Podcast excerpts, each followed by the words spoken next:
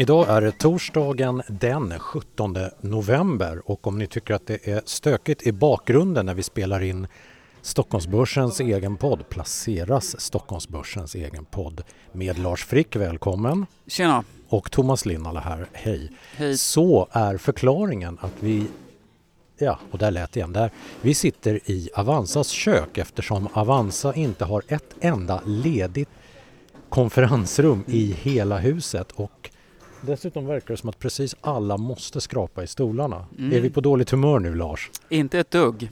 Men det här är ju en lågbudgetproduktion så att, eh, det är väl lika bra att det, att det hörs Att vi får enkelt. acceptera att vi, Ja. är, vi är eh, inte bara odugliga poddar utan dessutom inte ens Panka poddar. Ja, exakt. Eh, vi diskuterade lunch här tidigare. Du lär vara i eh, någon slags rekordnivå vad gäller paltkoma. Det stämmer. Varför? För att eh, jag åt för mycket och det är för nära lunchen. Så att jag skulle säga att om vi, eh, om vi klarar att göra en bra podd idag med så genomusla förutsättningar som vi har så, så vore det fantastiskt. Så vi, vi får helt enkelt eh, försöka foka lite på lite sköna aktier och ignorera paltkomor, bakgrundsoväsen och annat. Mindre fokus på wienerschnitzel, mer fokus på frågor och aktier. Om Mm. vi ska börja med en... ehm, Innan förresten vi börjar med det så ska jag återupprepa det vi brukar säga. Det här är våra privata åsikter. Glöm aldrig det. Okej. Eh, signaturen Nackos eh, skriver så här. Ni pratar ju lite om Novo i senaste ja, och i näst senaste och näst näst senaste. Vi har pratat fruktansvärt mycket Novo Nordisk. Ja, i senaste podden, men jag skulle vilja att ni djupdyker lite mer. Spekulera lite angående Trumps vallöfte om att läkemedelsföretag ska kunna sätta egna priser och så vidare utan inblandning från regeringen. Ja, vad säger du? Det blir ju spekulation då, per Absolut. definition. Ehm, vi kan ju bredda diskussionen lite grann då för att göra det intressant för fler än ehm, den krympande skaran, mig inkluderat, Novo-aktieägare. Men jag har ju faktiskt köpt lite mera aktier så jag bettar ju Ännu mer? Du har snittat ner i Ja, en gång. exakt. Jag har, jag har snittat ner med en gång. Ja, Så okej, att det var ju ja. förra veckan då. Ja. Eh, och då måste jag ju säga att jag blir lite glad att stjärninvesteraren Max Mitteregger, även han har börjat köpa Nova-aktier. Men han har inte snittat ner sig. Han har inte snittat ner sig utan han, han börjar ju på en lågt ingångsvärde från början och det är väl det som sk- skiljer bra investerare från, från oss andra då som, som snittar ner oss på olika sätt. Men med det sagt tror jag faktiskt att jag fortfarande ligger på plus för jag köpte ju Novo för flera år sedan. Så att, Eller Mm, tror jag ligger mm. på plus. Så jag snittade upp mig med mitt sista köp. Ja, Okej, det är ju faktiskt ganska bra. Ja. Mm. Men åter Ja, till frågan. Nå, nå, åter till frågan. Ja, eh, prissättning och läkemedelsindustri, det har ju varit en, eh, någonting som har tyngt hela läkemedelssektorn under 2015 och 2016. Diabetesprodukter likaså. Och eh, det är väl också där man har sett hyggligt stora prishöjningar men absolut inte störst. Eh, Jag såg siffror från ett amerikanskt researchföretag som heter TRX eh, som fann att för mer än hälften av ett par tusen, jag tror de undersökte 3300 preparat och mer än hälften hade de höjt priserna. För en tredjedel av dem mer än 10% på 12 månader. Och i genomsnitt hade då hälsovårdsproducentprisindex eller läkemedels-PPI gått upp med 8,5 procent tror jag var en siffra från i somras då på ett år. Så det går ju väldigt mycket snabbare. Där finns inflationen med andra ord. Precis, eh, och jag tror, nu, hur var det nu då, sen eh, om det var 2007 eller någonting så har priserna i genomsnitt dubblats samtidigt som KPI är väl upp kanske 20 procent eller någonting. Så priserna inom läkemedel har ju verkligen dragit iväg. Och jag tycker det är bra att komma ihåg det, ha det som bakgrund i huvudet när man nu pratar om prispress att ja, det finns prispress på marknaden. Men det är ju ändå från en hög nivå så det handlar ju kanske mer om en sorts korrektion snarare än att plötsligt så ska vinsterna raderas ut i läkemedelssektorn. Mm. Och det här är relevant då för Hillary Clinton var ju en av de som drev det här hårdast och Trump verkar ju vara lite mer liberal så att det är ju ändå ganska rimligt kanske med någon sorts lättnadsrally. Det här gäller ju den amerikanska marknaden men det är ju den enskilt största. Menar AstraZeneca till exempel har ju 40% av sin försäljning i USA. Ja, i dollar i alla fall. Ja, men det. Så att det, det, um, Mm. Och medan, mycket medan viktigt. våra kollegor spelar bowling med stolarna så, så ska vi inte heller glömma bort dollareffekten som ju är avsevärd. Absolut. Eh, och det är jätteintressant att med en stark dollar och USA som största läkemedelsmarknad så är det positivt för de icke-amerikanska bolagen då, som har kostnader i någon annan valuta. Återigen AstraZeneca är intressant. De har kostnader både i, i pund och i kronor men de hedgar också en hel del av sina valutaflöden så nettoeffekten blir inte så stor. Eh, ja, det finns ju flera, Sanofi och Lilly och så vidare och så vidare. Novo Nordisk. Mm. Det finns ju ett exempel på företag, de sysslar inte så mycket med läkemedel men de förmedlar en del sjukvård när så behövs som har höjt priserna väsentligt mycket mer så vitt jag vet och dessutom är en valutavinnare. Skistar tänker jag på. Ja. där, där, finns det inte mycket inflation heller när man tittar på deras eh, liftkortspriser. Nej, verkligen inte. Och du är ju en van eh, utförsåkare. Precis, dock inte Skistars anläggningar. Mm. det där tycker jag är lite märkligt. Jag tycker, ja, nu blir det ju verkligen off topic här men det är väl lika dyrt... Det är inte det vårt kännetecken. Idel stickspår, aldrig huvudspår. Är det väl lika dyrt att åka till Sälen som till Chamonix, så varför välja Sälen då? Men, jo, om vi ska fortsätta på hälsovårdsspåret. Eh, mer specifikt, jag tycker om man är intresserad av Novo Nordisk så ska man titta lite på vad Roche håller på med. Och nu handlar det inte om insulin utan om blödarsjuka. Är man intresserad av Novo Nordisk så är förstås insulinet det centrala men hemofilipreparaten står för, också för en stor del av tillväxten. Eh, och om Roche som hade en potentiell riktig blockbuster i området som eh, hade väldigt, väldigt lovande data då. Om de skulle komma in skulle de klippa en väldigt stor del av marknaden, både för Novo Nordisk och för Sobi. Men eh, studiedata visar en hel del problem. Bland annat har några patienter fått blodproppar.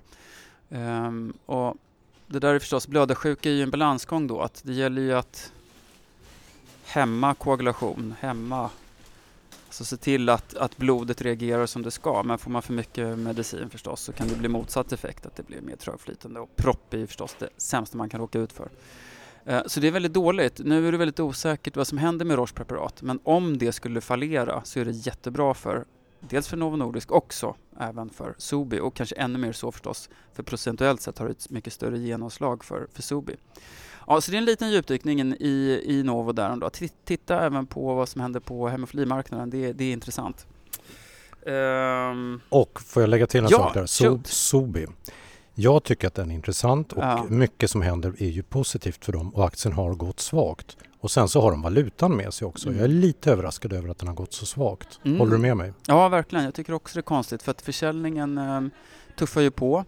Um, ja, som du säger, valutavinnare och så vidare och så vidare. Det är mycket som går bolagets väg. Uh, då kan jag rekommendera um, att lyssna på Max Mitteregger i EFN TV också så kan vi göra lite reklam för jag vet inte om jag ska säga en konkurrent eller ett vänmedia eller någonting vad det är. De är duktiga i alla fall. Mm. Charlotte och Jesper, eller den gången Elinor och Jesper då som, mm. uh, som uh, håller ett spännande program om hälsovård. Nej, uh, Mats Mitteregger där, han menar ju på att det där var completely de-risked. Och sen så finns det ju också alltid den här effekten om man tror ganska lätt att när ett preparat är godkänt så pang så ska man nå någon sorts hög marknadsandel mer eller mindre momentant. Och det är ju inte så det fungerar på någon marknad egentligen. Möjligen kan det vara snabbare om man kommer in på ett amerikanskt försäkringsbolag och då är det bara att sätta igång och förskriva och då kan det gå ganska fort. Men i andra marknader så är det lite mer en gradvis process. Jag kan tänka mig att särskilt för komplicerade behandlingar som blödarsjuka att där läkare har lärt sig hur olika preparat fungerar. Ska man byta då så är det en sorts inlärningseffekt även där då.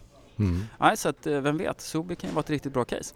Du har, ju, du har ju berättat att du har köpt mer i Novo Nordisk. Skulle du köpa aktier i Sobi? I Abs absolut, absolut. Ja, du är riktigt sugen? Ja, det tycker jag. Därmed har du inte lovat att du ska köpa. Nej, det är men, en annan sak då. Men du är generellt intresserad. Precis. En Man ska annan... ha lite pengar också. Jag är ju ja. fattig här. Därför jag gör lågbudgetpodden Stockholmsbörsen. en annan aktie, läkemedelsaktie som har tagit mycket stryk också, det är Orexo efter att de fick en dom i USA som drog ner. Har du hunnit titta lite grann på? Ja, precis. Eh, är det någonting som... Um... Det är väl egentligen en, eh, en rimlig reaktion. Vad den domen handlar om det är väl att man vet ju att förr eller senare så alla läkemedel har ju någon sorts parabel. Först så börjar de säljas och snabbt når man någonting man brukar ofta kalla det peak sales, kanske tar något år eller ett par. Och sen så ligger man kvar där och sen brukar det erodera. Det finns ju något standardmönster. Det kommer konkurrerande preparat, patent går ut och så vidare. Så vad, man, vad som har hänt nu är lite förenklat, den här svansen har plötsligt blivit lite kortare i, i Orexos fall. Och just Orexo har ju haft lite svårt att få upp eh, försäljningen i USA mm. som man hade förväntat sig för några år sedan. Mm, Där har det gått oväntat trögt. Ja, men det gick ju snabbt i början. Sen plötsligt så tidigare än jag trodde i varje fall så började det plana ut och sen har det blivit tufft då. Mm. Här tycker jag Camuru som vi skrev om i Börsveckan häromveckan också är intressant. De är verksamma inom det här opiatberoende som är ett väldigt stort problem. Det är inte Camurus största projekt men det är ett av de mest intressanta och det handlar om att man får en injektion så att det är en depå som sen sakta löses upp och så får man eh, medicinen gradvis över en längre tid. Det har många fördelar. Det är bra för patienten, man behöver inte springa till läkaren varje dag. Man, eh, det är bra för den eh, läkaren som administrerar för det är enkelt att göra och så vidare. Så att, bra för systemet, patienten och läkaren. Det här är inte godkänt än måste jag säga men det är ett väldigt spännande område. Den enes bröd, den andres död. Exakt och då kvarstår ju frågan då i valet mellan Camurus och och Rexo? Ja, bra var, fråga. Jag skulle nog köpa Camurus faktiskt. Mm. Dock inte bara på grund av opioid... Eh, Nej, exakt. Ähm, det är en, eh, de har tre stora samarbeten och det här är ett av de mindre. Så att... mm. eh, vi har fått en fråga här om Intellecta, ett av ja, börsens mindre spännande. bolag. Eh, och eh, Martin skriver här att så vitt han vet så har vi aldrig pratat om dem någonting tidigare. Eh, och han undrar vad vi tycker om dem, eh, digital kommunikation, marketing och sådana saker. Eh, och eh, han nämner också att Zlatan gick in i ett, ett Isbit, eller hur man nu ska uttala det bolaget, Isbit Games, Isbit Games, eh, som Intellecta äger en del i och han undrar vad vi nu tycker om Intellecta och jag kan konstatera ja. att jag skrev en analys på det här bolaget för tre och ett halvt år sedan och tyckte okay. att att ja, det är väl sådär inte, det är inte dyrt egentligen men det ser lite halvdant ut och eh, jag tyckte att man skulle vara neutral för tre och ett halvt år sedan. Det har kommit lite utdelningar efter det men i stort sett så är kursen densamma sedan sen dess. Och är det något bolag som du någonsin har tittat på?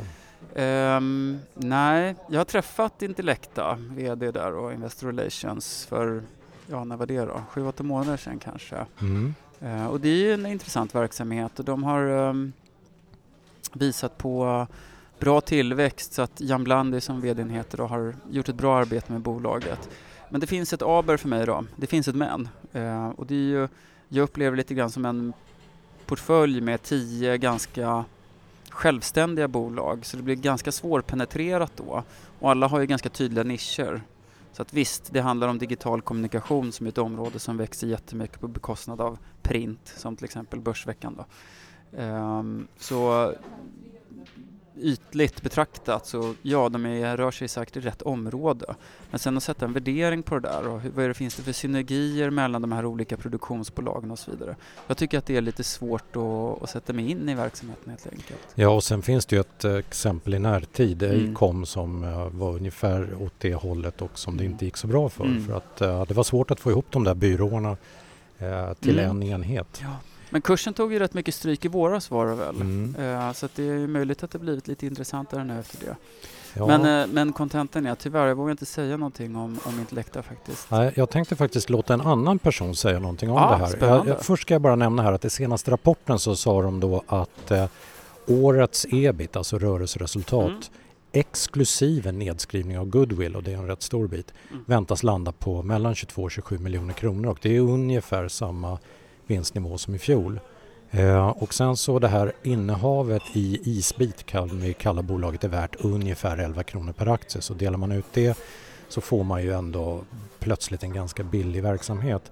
Eh, Q3 var lite svag men Q3 är alltid svagt i det här bolaget och Q4 ja. brukar vara starkt. Mm. Men nyligen, och det här tänkte jag då låta någon annan säga någonting, nyligen så sålde storägaren finansmannen Staffan Persson hela sitt innehav och jag citerar honom. Än så länge är den här firman mer av vuxna män leker affär. Börjar de göra vad de påstår kan det bli bättre. Men han sålde okay. sitt. Det är rätt hårda ord. Det var hårda ord. Han sa dessutom, eh, börjar de göra vad de påstår kan det bli bättre. Han sa inte bra. Nej, sa så att, det? Äh, ja, ja. Bättre, sorry. ja, sa, du sa bättre. Jag sa bättre? Ja, okay. men jag tycker just jag vill poängtera det. Han sa inte att det här kommer bli bra, utan Nej. det kan bli bättre. Sen, ja, det var hårda ja. omdömen. Men, men. Sen tänkte jag att vi skulle ta upp eh, att Sirius går upp i Allsvenskan och varför, vad, vad har det för någon betydelse? Ja, Uppsala-laget. Jo, därför att jag fick ett pressmeddelande där det står Sirius fotboll börsnoterar spelartruppen. Vilket inte är helt sant utan de har en, eh, man kan köpa eh, andelar i, eh, i spelartruppen helt enkelt. Um, och uh, om bolaget säljer spelare dyrt så kan det bli ett överskott och så ska man då få 30% av det här spelaröverskottet. Ja. Uh, populär grej här, någon slags crowdfunding eller crowdinvesting uh, idé som börjar växa fram. Vad man då bara ska komma ihåg innan man nappar på det här det är att om bolaget köper en spelare så räknar de av det ifrån vad de säljer för. Mm. Så att, ja, fotbollsklubben har liksom pengarna i sin hand. Oklar uppsida där. Skulle du investera i Sirius Nej, spelartrupp? det skulle jag inte göra. Nej. Framförallt om jag vore direktör i Sirius, då skulle jag väl passa på att förvärva någon spelare då om det går bra med det här projektet. Då, då, Men det är klart, då tar det- de in Zlatan. Ja, det, det, det är klart ett enperiodstänk. Mm. Att vill de kunna göra om det så gäller det väl att göra, ge en hygglig avkastning. Så att- Förmodligen måste de nog göra det om de, Mm. om de vill kunna göra det en gång till. Sen tänkte jag vi skulle nämna Doro bara. Den aktien har ju gått ner rätt mycket efter kvartalsrapporten. Och, ja, vi, vi bägge tycker om Doro, vi har Ja. pratat förr om Doro och det jag känner är att ja, men aktien har gått ner på kända problem. Och vårt case är intakt att det är nästa år det ska lossna på Ja. allvar inom Care. Just det. Så ha inte för bråttom att sälja den här aktien. Mm. Det, det är min slutsats i Mm. alla fall. Apropå Care, här kommer ett nytt stickspår då. Jesper Norberg då som kan eh, medicinteknik Mm, på Han- EFN. på EFN ja. Han skulle väl kanske inte, han sa inte så mycket om man skulle köpa Getinge-aktien för nu tänker jag ju på Getinge och Extended Care. Ja. Men han hyllar ju i varje fall eh, draget att separera, dela upp bolaget och Mm. tycker att det där kunde de lika gärna gjort för 15 år sedan. Så det enda som är förvånande är att det tog dem så lång tid. För Och- du är ju lite Getinge-kramare på redaktionen, Jag är är, det? jag är Getinge-kramare. Jag har köpt aktier i Getinge för att de just ska dela Mm. på sig att aktien har gått väldigt svagt och Mm. enligt devisen att det kan fan inte bli så mycket värre nu men det sa Mm. jag Ericsson med och det kunde bli värre Mm. men nu har Ericsson börjat trenda uppåt så att Mm. nu, är jag, nu är jag nästan in the money på själva Gött. nedsnittningen i alla fall. Eh, Intrum Justitia, vad säger du om den då? De köper Lindorf. Ja, stor konkurrent. Ja, och det här är bara lite roligt, det här måste jag nämna. På nyheten att Intrum köper Lindorf så gick aktien från 280 kronor till 380 kronor som Mm. högst samma dag. Det är en rätt rejäl uppjustering. Nu, några dagar senare, är Mm. kursen nere i 290 kronor. Trist för den som köpte på 279,50 där och ja, då, tänker jag, då, då kommer jag osökt eller att tänka, 300. ja, då tänker jag osökt på eh, Linda Lindorf Linda Lindorf, med det, det? med det beryktade skriket när hon inte vann Kristallengalan. Det är väl, det är väl så det känns när man har Ja, köpt på exakt. 380. Nej, jag vet inte riktigt varför. Dels att det blev så otroligt håsat eh, är väl för att det är svårbedömt. Det är ju en jätte, jättesammanslagning. Och det är väl lätt att göra något pie in the sky scenario där när minuterna när kursen flyger iväg. Eh, men sen så är det ju en regulatorisk fråga också. Det blir godkänt för det är två väldigt stora bolag. Båda är starka i Nordeuropa. Mm. Om än lite olika tyngdpunkt liksom geografiskt. Nej, det är, det är intressant. Jag pratade med TF Bank häromdagen, apropå ingenting tänker du nu, men det har faktiskt Mm. med Intrum att göra. De tyckte att jag inte riktigt såg storheten i deras bolag då. Anyways, och det är ju faktiskt en, eh, vad ska man säga, en leverantör till bland annat Intrum. Mm. TF Bank har, säljer ju fordringar om de har kreditförluster istället för att ligga kvar med de egna böcker och driva in dem. Så har de eh, som princip, och det är i och för sig rätt intressant då, att väldigt snabbt så säljer de av dåliga fordringar. Så istället för att de ska ligga och skvalpa i balansräkningen så försvinner de ut. Och då får man förstås sälja på mindre än par-värdering. Men samtidigt så sänker det ju balansräkningsrisken väldigt mycket. Så det där är, mm, det är, det är ett rätt smart upplägg. Anyways, Och då, kommer ju självklart då frågan. kommer frågan med Intrum och Lindorf. Mm. Men de menar ju på att det finns ändå så pass många spelare där i ett sådant perspektiv att de trodde inte att det skulle bli någon sorts monopolistmarknad med, som skulle pressa priserna vansinnigt mycket i andra riktningen eller något sånt där. Utan, så att i det perspektivet då så kändes det ju ändå som att om, om folk som har dem som så att säga, motpart affärsmässigt inte är oroade så kanske inte Konkurrensmyndigheten heller borde vara. Nej. Vad vet jag, det, det där är äh, kategorin anekdotisk bevisföring så det kanske inte säger någonting. Men lite kul var det i alla fall. Ja, och TF Bank tyckte att du hade missförstått dem. Sa du det? Eh, ja, Okej. Eh, upplyste du om att du får tycka vad du vill? Det är din roll som ja journalist. precis, man ska tycka. Sen måste det bli rätt också. Det är klart, det finns en del saker man kan diskutera då. Hur hög risk är det till exempel i, i blankolån? Är den jättehög eller är den ganska hög eller och så vidare. Så det är ju någon sorts gråskala där och det är väl det som är intressant då att bolagen som du sa till mig där, deras jobb är ju faktiskt att sälja in sitt case inom citationstecken. Mm. Och mitt jobb är att försöka sålla och stå emot då. En annan grej, eh, eller jag tänkte droppa lite fler aktier som har rapporterat här, eh, eller bara rört på sig och hyggligt Mm. mycket. Bång rapporterade idag.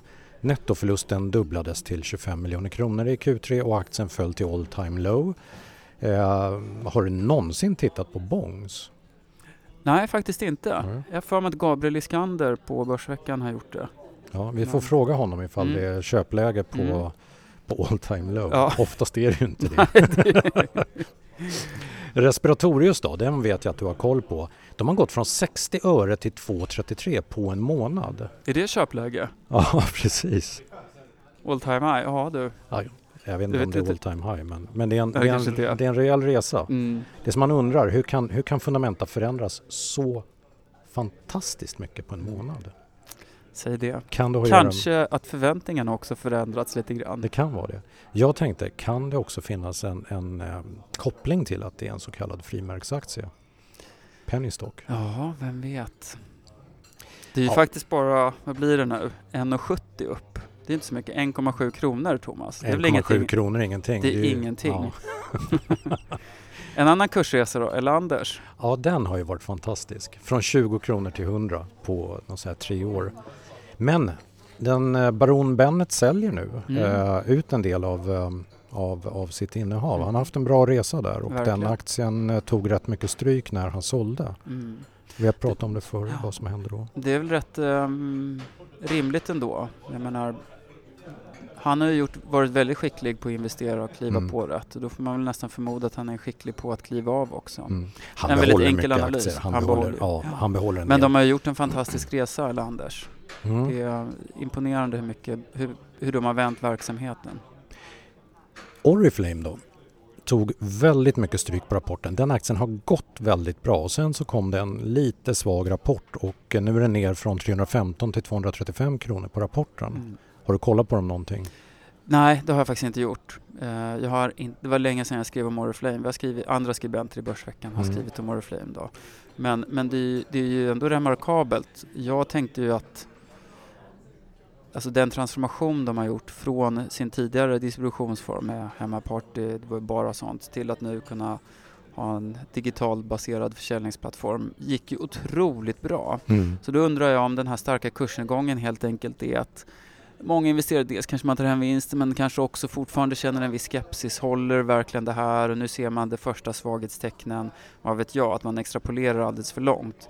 Utan att ha någon jättedjup eh, analys i Oriflame känns det ju ändå som att det är ja, en överdriven kursreaktion. Typ Och- vinsthemtagningar. Ja, exakt. Klippa en fjärdedel av vad det nu blir då. 80 kronor från 315. Ja, det känns väldigt, Det är väldigt eh, det är, det är makabert med Ja. tanke på att det var inte någon fruktansvärt Nej. dålig rapport. Det är kanske Nej. något för dig där som är duktiga på timingaffärer. Duktig kan man diskutera och Ja. timing kan man diskutera men jag är bra på att eh, Är det ett gap? det är ett gap Ja. och det är en fallande kniv. Ja. Och eh, ibland skär man sig på dem som bekant. Ja, ja, eh, jag blev i alla fall lite intresserad. och jag, jag ska titta närmare på den definitivt. Det var Oriflame. Du kommer ihåg att vi ska återupprepa de aktier vi pratar om också. Just det, det var Oriflame. Ja.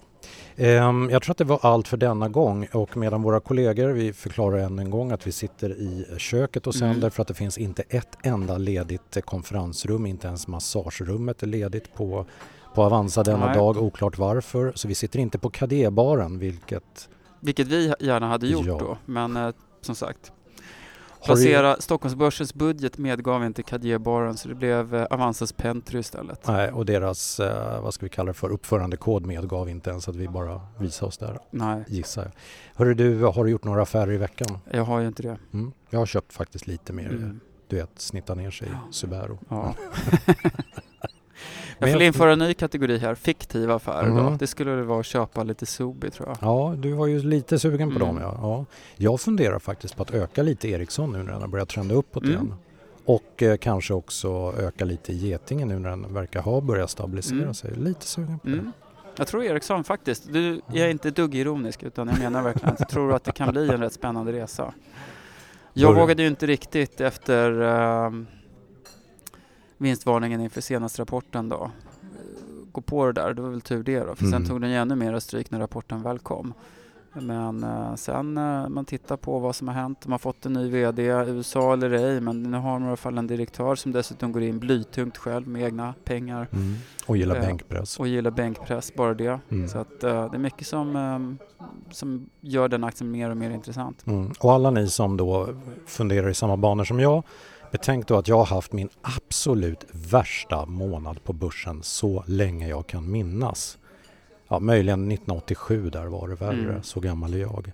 Eh, och apropå ålder, Mm. du, det visar sig att du är redaktionens yngsta medarbetare. Precis, metabol ålder. Vad var det, 30 år? Ja, 30 bast. Det är helt fantastiskt. Ja, det är stort. Vi har ju nämligen införskaffat en fettvåg till redaktionen som vi haft officiell invägning på här i förrgår.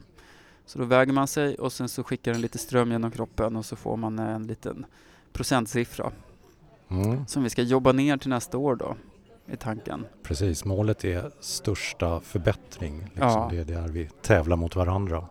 Det ska bli spännande att se och jag misstänker att du kommer vinna även den. Vi får se. Mm. Tack för att du var här. Du ska få skynda upp. Du har mycket att göra med Börsveckan och tack för att ni lyssnade. Tack så mycket. Tack Thomas.